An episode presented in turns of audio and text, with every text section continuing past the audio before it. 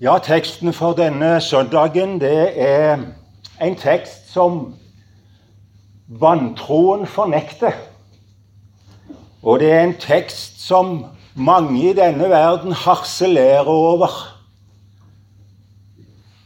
Og den strir mot mangt som har med vår fornuft å gjøre. Vi leser fra Matteusevangeliet kapittel 14 fra vers 22. Og straks nødde han, altså Jesus, disiplene til å gå i båten og dra i forveien for ham over til den andre siden, mens han sendte folket fra seg.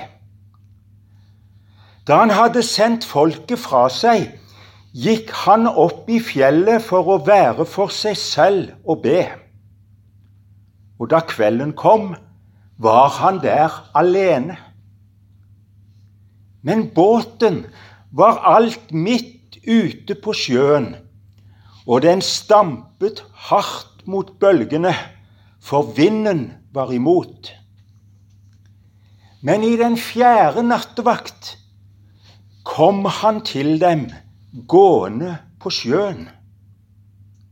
Da disiplene fikk se ham der han gikk på sjøen, ble de slått av skrekk og sa, 'Det er et spøkelse.' Og de skreik av redsel.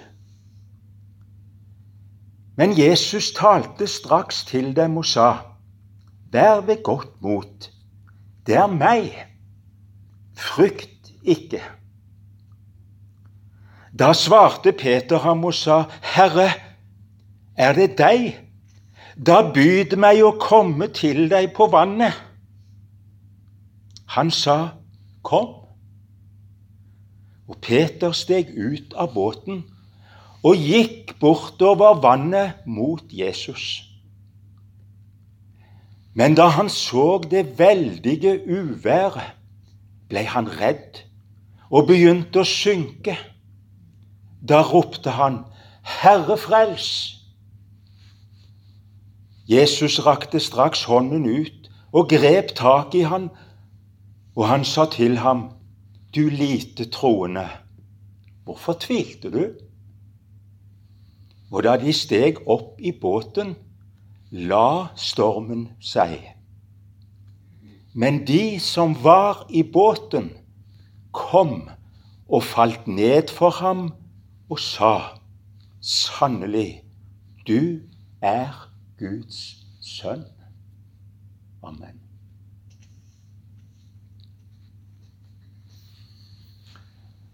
Og straks nødde han disiplene til å gå i båten.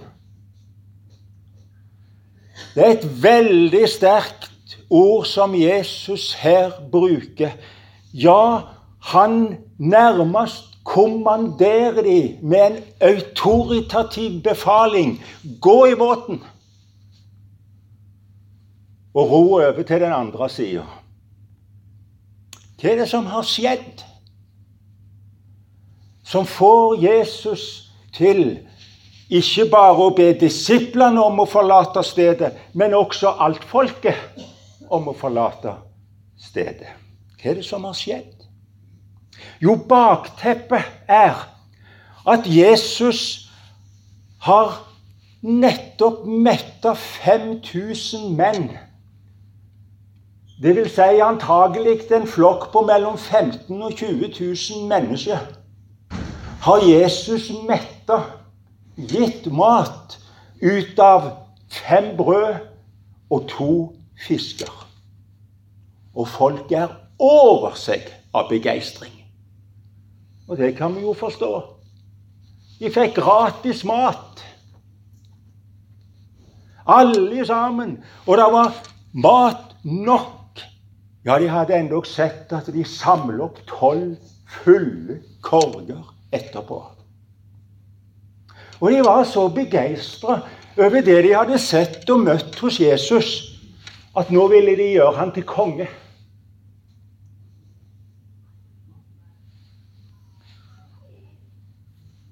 Ja, i Johannes 6, 15, som er parallelltekst til dette, så står det at Jesus skjønte at de ville komme og ta han med makt for å gjøre han til konge. Det var temmelig eh, intens situasjon, en tension i hele forsamlingen der. De ville ta han med makt for å gjøre han til konge. Nå hadde de sett et nytt tegn av Jesus. Et tegn som svar, samsvarte med deres Messias-forventning. For folk flest på den tida, inklusiv Jesu disipler, de var opptatt av og tenkte at når Messias kom, som profetene og Det gamle testamentet varsla De var opptatt av at når han kom, så skulle han befri dem fra romerne som hadde okkupert landet. Og så skulle de, han etablere et jordisk Guds rike. Gjenopprette riket for Israel, som det står en annen plass. Det tenkte de. Og nå var vel tida inne for at det skulle skje. Nå var det jo masse folk her samla. Og nå måtte vel tida være inne for å gjøre Jesus til konge.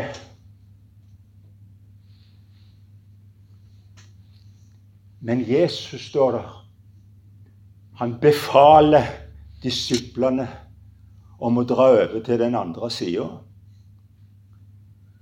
Sjøl om Jesus visste hva som skulle møte dem på den sjøferden over til andre sida.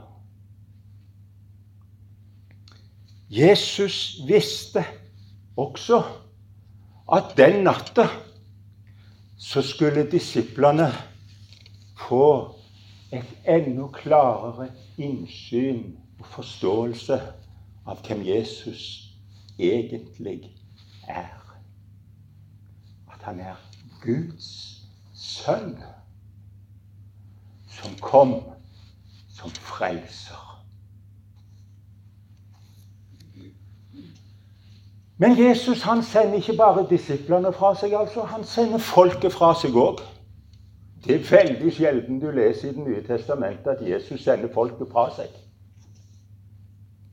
Jeg vet ikke om andre episoder da Jesus sier til folket du, nå må dere, må dere gå hjem. Men det gjør han faktisk her. Han sender de fra seg.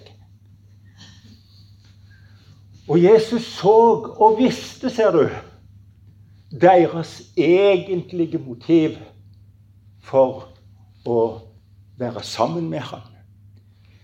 Han visste at deres ønske om å følge Jesus det var overfladisk. Det var ut fra deres egne personlige behov og ønsker. Sammenhengen så ser vi også andre, hos andre av evangelistene. De ville faktisk ha mer mat. De, de, ville at han skulle fortsette å forsørge dem på den måten som han allerede hadde gjort.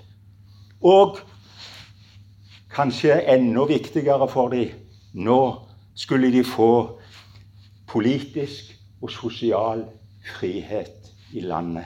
Jesus så det. Han visste hva som drev de til han. Det gjør han i dag òg. Det gjør han i dag òg.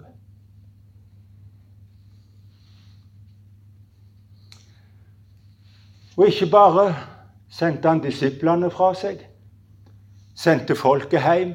Sjøl gikk han avsides alene. En merkelig avslutning på en fantastisk hendelse i ødemarka. Jesus gikk opp i fjellet, står det, for å være for seg sjøl og be. Da er klokka antagelig sånn bortimot seks på kvelden. For det var blitt kveld, og det regnet de fra når sola gikk ned. Hvorfor måtte Jesus be? Hadde han behov for det? Vi leser faktisk mange ganger at Jesus gikk avsides alene.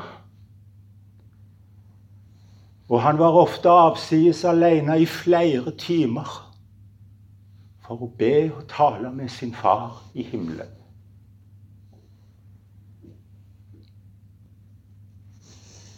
Ja, hvorfor måtte Jesus be? Var han ikke Gud sjøl? Jo visst var han det.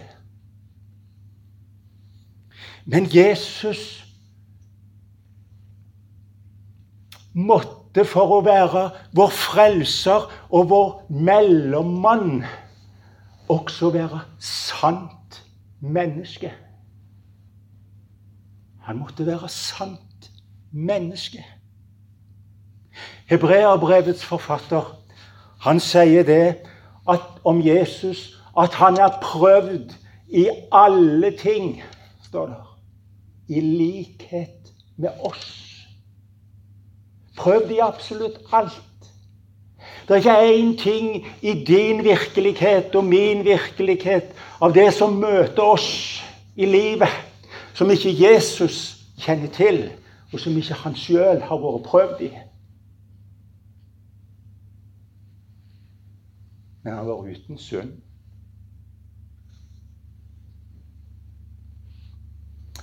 Og Det står også i Hebreerbrevet at fordi han selv ble fristet, kan han komme dem til hjelp som blir fristet. Jeg lurer på om det var en slik situasjon kanskje Jesus opplevde nå.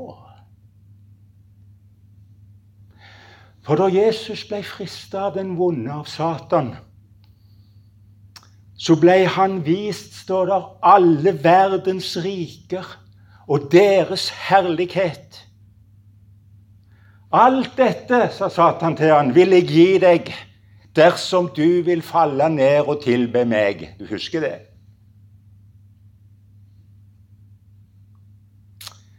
Var det en ny slik fristelse? Om å få kongemakt på jord? Uten å gå korsets vei, som han nå møter gjennom folkets krav og forventning til han. Vi vet ikke. Kan ikke si det. Sikkert. Men Jesus er i hvert fall i flere nattetimer i bønn til Gud etter denne hendelsen der i ødemarka.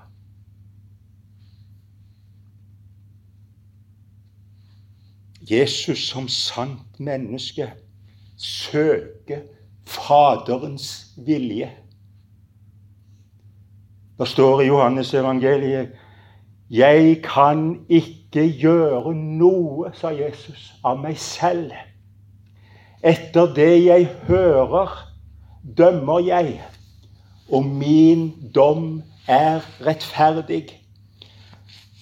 For jeg søker ikke min vilje, men Hans vilje som har sendt meg.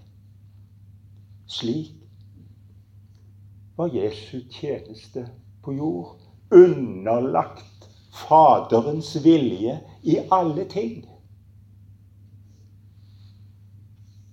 Hvis Jesus hadde behov for å søke et sted for seg sjøl og be til sin far Hvor mye mer skulle ikke du og jeg ha behov for å tale med Jesus i vår, når vi møter våre utfordringer i livet.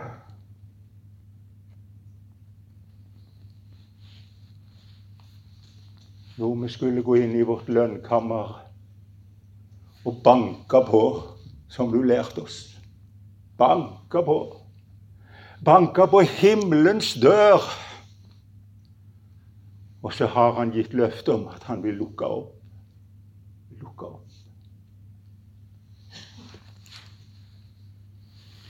Det andre jeg hadde lyst til å nevne, at dette er primært en beretning om Jesus, og ikke om Peter og disiplene. Jesus ba i flere timer. Og da mørket falt på, kom også stormen og ramma de som rodde på Genesaretsjøen. Og Jesus kom altså først i den fjerde nattevakt. Det var mellom klokka tre og klokka seks på morgenen. Her er altså gått sannsynligvis ni timer. Ni timer har disiplene nå sittet i båten og rodd for harde livet. De kjempa mot stormen. Og det var faktisk ikke lange strekningen. Det var ikke lange strekningen over, og det var ikke lange strekningen de var, hadde greid å ro på ni timer. Vet du hvor langt de var kommet?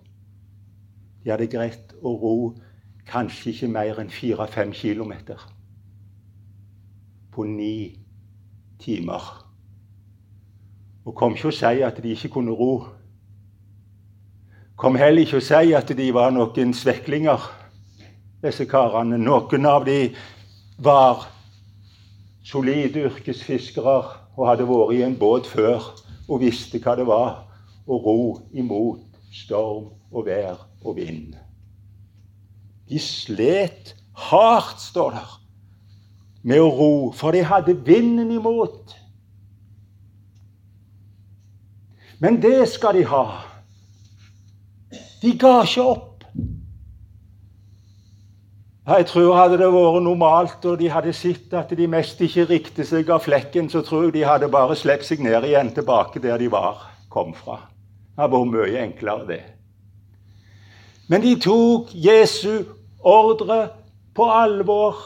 De kjempa og strei i ni samfulle timer der på sjøen. Og da står det Da kom Jesus. Og da kom Jesus på en helt uventa, ja, rent ut sjokkerende måte. Ja, hadde aller, aller minst venta at han skulle komme gående på sjøen. Ikke tror jeg at de i sin villeste fantasi hadde tenkt å se Jesus vandrende på sjøen.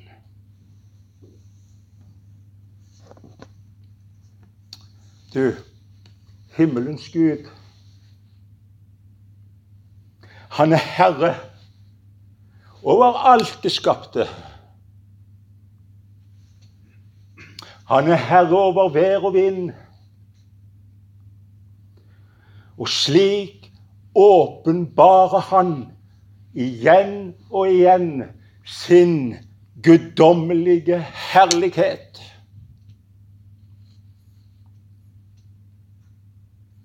Du husker hvordan han åpna vei for to millioner mennesker til å kunne gå tørrskodd over Rødehavet. Hmm? Du har lest om Jonah. Hvis ikke, så gå hjem og les beretningen om Jonah. Du har lest og hørt sikkert om hvordan Jesus stilte stormen en gang tidligere, der han sjøl lå og sov i båten. Han kommanderer sjøen til å legge seg. Det ble blikkstilt, står det. Jeg tror aldri Genesaretsjøen har vært så stille som når Jesus kommanderte bølgene til å legge seg døde. Han har makt i himmelen og på jord. Det er han vi snakker om. Det er han vi står til ansvar for. Det er han som du og jeg har å gjøre med. Og ikke bare det, men du har sikkert òg lest hvordan han førte fisken i Genesaretsjøen og styrte de rett inn i gatene til disiplene når de hadde holdt på hele natta og ikke fått en eneste en. Kasta de på andre sida, og så var det fullt av fisk. Det er han. Han styrer naturkreftene. Og han visste hva disse skulle utsettes for denne natta. Men du, Jesus kom aldri for seint. Hør det. Jesus kommer aldri for seint til noen av oss. Selv om det kan se sånn ut, så kommer han aldri for seint. Og Jesus hadde ikke glemt dem. Jesus visste hvor de var. Han visste hva de kjempa med. Og måten han kom på Det var slett ikke for å lære deg å skulle gå på vannet. Det var ikke poenget.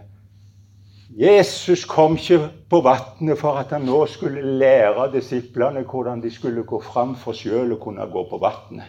Nei. Han skulle lære dem at Gud ser og kjenner og elsker sine barn, og aldri fører han sine slik at de befinner seg utenfor hans rekkevidde og omsorg. Hørte du det? Aldri fører han sine barn noen sted der du befinner deg utenfor hans rekkevidde og omsorg. Aldri.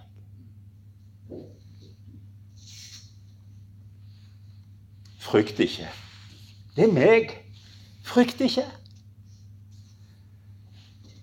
Jeg er, sier Jesus. Jesus identifiserer seg og bruker Guds navnet når han kommer til disiplene. Navnet disiplene kjente på Javé. Navnet Moses fikk høre ved tornebusken. Navnet som Jesaja gir, han som utsletter synd. Navnet som Jesaja sier, som alene er Gud og ingen annen. Jeg er. Hør det, dere i båten. Det er 'jeg er' som kommer. Det er navnet som Jesus bruker sjøl om seg sjøl. Han sier 'Jeg er livets brød'. Jeg er veien, sannheten og livet. Det er Han som kommer. Han som alltid er. Det er ingen grunn til frykt. Han er den han sier seg å være. Og det er bare Matteus som forteller om at Peter ba om å få komme til Jesus på sjøen. Og det er ikke for å tøffe seg at Peter sier dette, må du tro. Det er ikke villmannen Peter vi her møter, som liksom skal bare ja, hoppe ut i havet her og tro det går bra. Nei, jeg tror Og dette er gjerne litt mine tanker, da. Men jeg tror at Peter var så glad når han hørte hvem som var kommet. Jeg er Jesus var kommet. Og Peter hadde så inderlig behov for nå å være der Jesus var. Han så at dette var de, greide de ikke sjøl. De var hjelpeløse. Peter ville være nær Jesus. Han var så avhengig av han. Du, Alltid finner du Peter i skyggen av Jesus. eller i hans fotspor. Det er interessant å lese historien om Peter. Du finner han alltid nær Jesus. Endog når Jesus ble tatt i Getsemane, så står det at Peter fulgte han videre inn mot ypperste prestens gård. Vi kan si mye om Peters mangel på kjærlighet, om Peters mangel på tro. Ja, det var svakt og skrøpelig mange ganger, og det gikk gale for han mange ganger. Men Peter sin tro og sin kjærlighet til Jesus, den var i det minste ekte. Den var ekte. Jeg må til Jesus. Og Jesus han forstår og ser Peter, og så sier han til han, Pass deg for bølgene. Det går ikke, Peter. Nei, han sier 'kom'. Han sier 'kom'. Og Jeg syns det var fantastisk å lese. Igjen midt i uvær og storm, midt i det umulige som skjer, så roper og svarer Jesus Peter, kom. Kom til meg.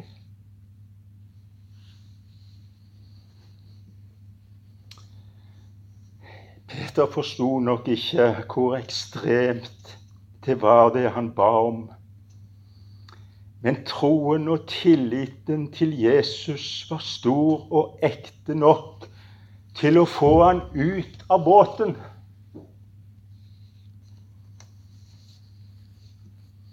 Troen prøves, men vokser og styrkes når den fører oss utenfor komfortsonen.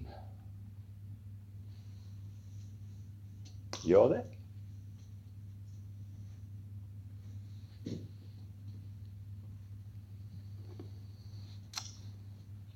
Jesus fører Peter så langt som Peters tru tar han.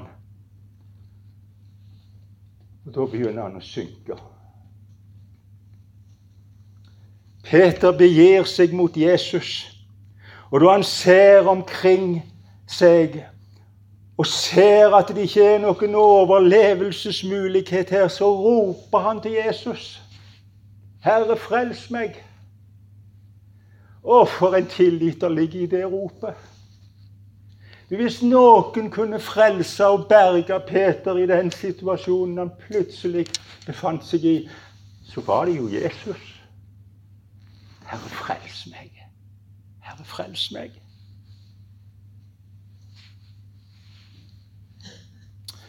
Peter skrev seinere Jeg er snart ferdig. Dette skjer, sier han, for at deres prøvede tro, som er langt mer kostbar enn det forgjengelige gull, som jo lutres i ild, skal finnes til lov og pris og ære ved Jesu Kristi åpenbarelse. Jeg vet ikke. Men her tror jeg Peter gikk igjennom en slik ildprøvelse av sin tro her ute på sjøen. En kostbar tru. Kostbar tru. Som lutres i ild. Det er noen som er gjennom de ildprøvelsene. Noen endog oftere og flere ganger enn andre. Er det. Men han er der. Han er der. Jesus tar Peter med seg opp i båten. og Da blir det jo igjen helt stilt. Da er kampen over. Og her er selve poenget. Endelig kom jeg dit. De som var i båten, kom og falt ned for Jesus og sa sannelig, du er Guds sønn. Her sitter de Jakob og Johannes og Thomas og hele bunten av mannfolk. Og så faller de på kne for den Herre Jesus Kristus. Og så sitter de igjen med én en, eneste stor erfaring. Han, det er Guds sønn. Han er jo Guds sønn. For bare en fra Gud kan gjøre det vi nå har vært vitne til. De begynner å gripe og se Jesus slik som apostelen Paulus skriver om han i Filipperbrevet. Han som Gud har høgt opphøya og gitt det navnet som er over alle navn, for at i Jesu navn skal hvert kne bøye seg deres som er i himmelen og på jorda og under jorda, og hver tunge skal bekjenne at Jesus Kristus er Herre til Gud Faders ære. Han er Guds sønn. Hvem er Jesus Kristus for deg? Hvem er Jesus Kristus for deg? Herre, vi ber om du må få være vår frelser. Amen.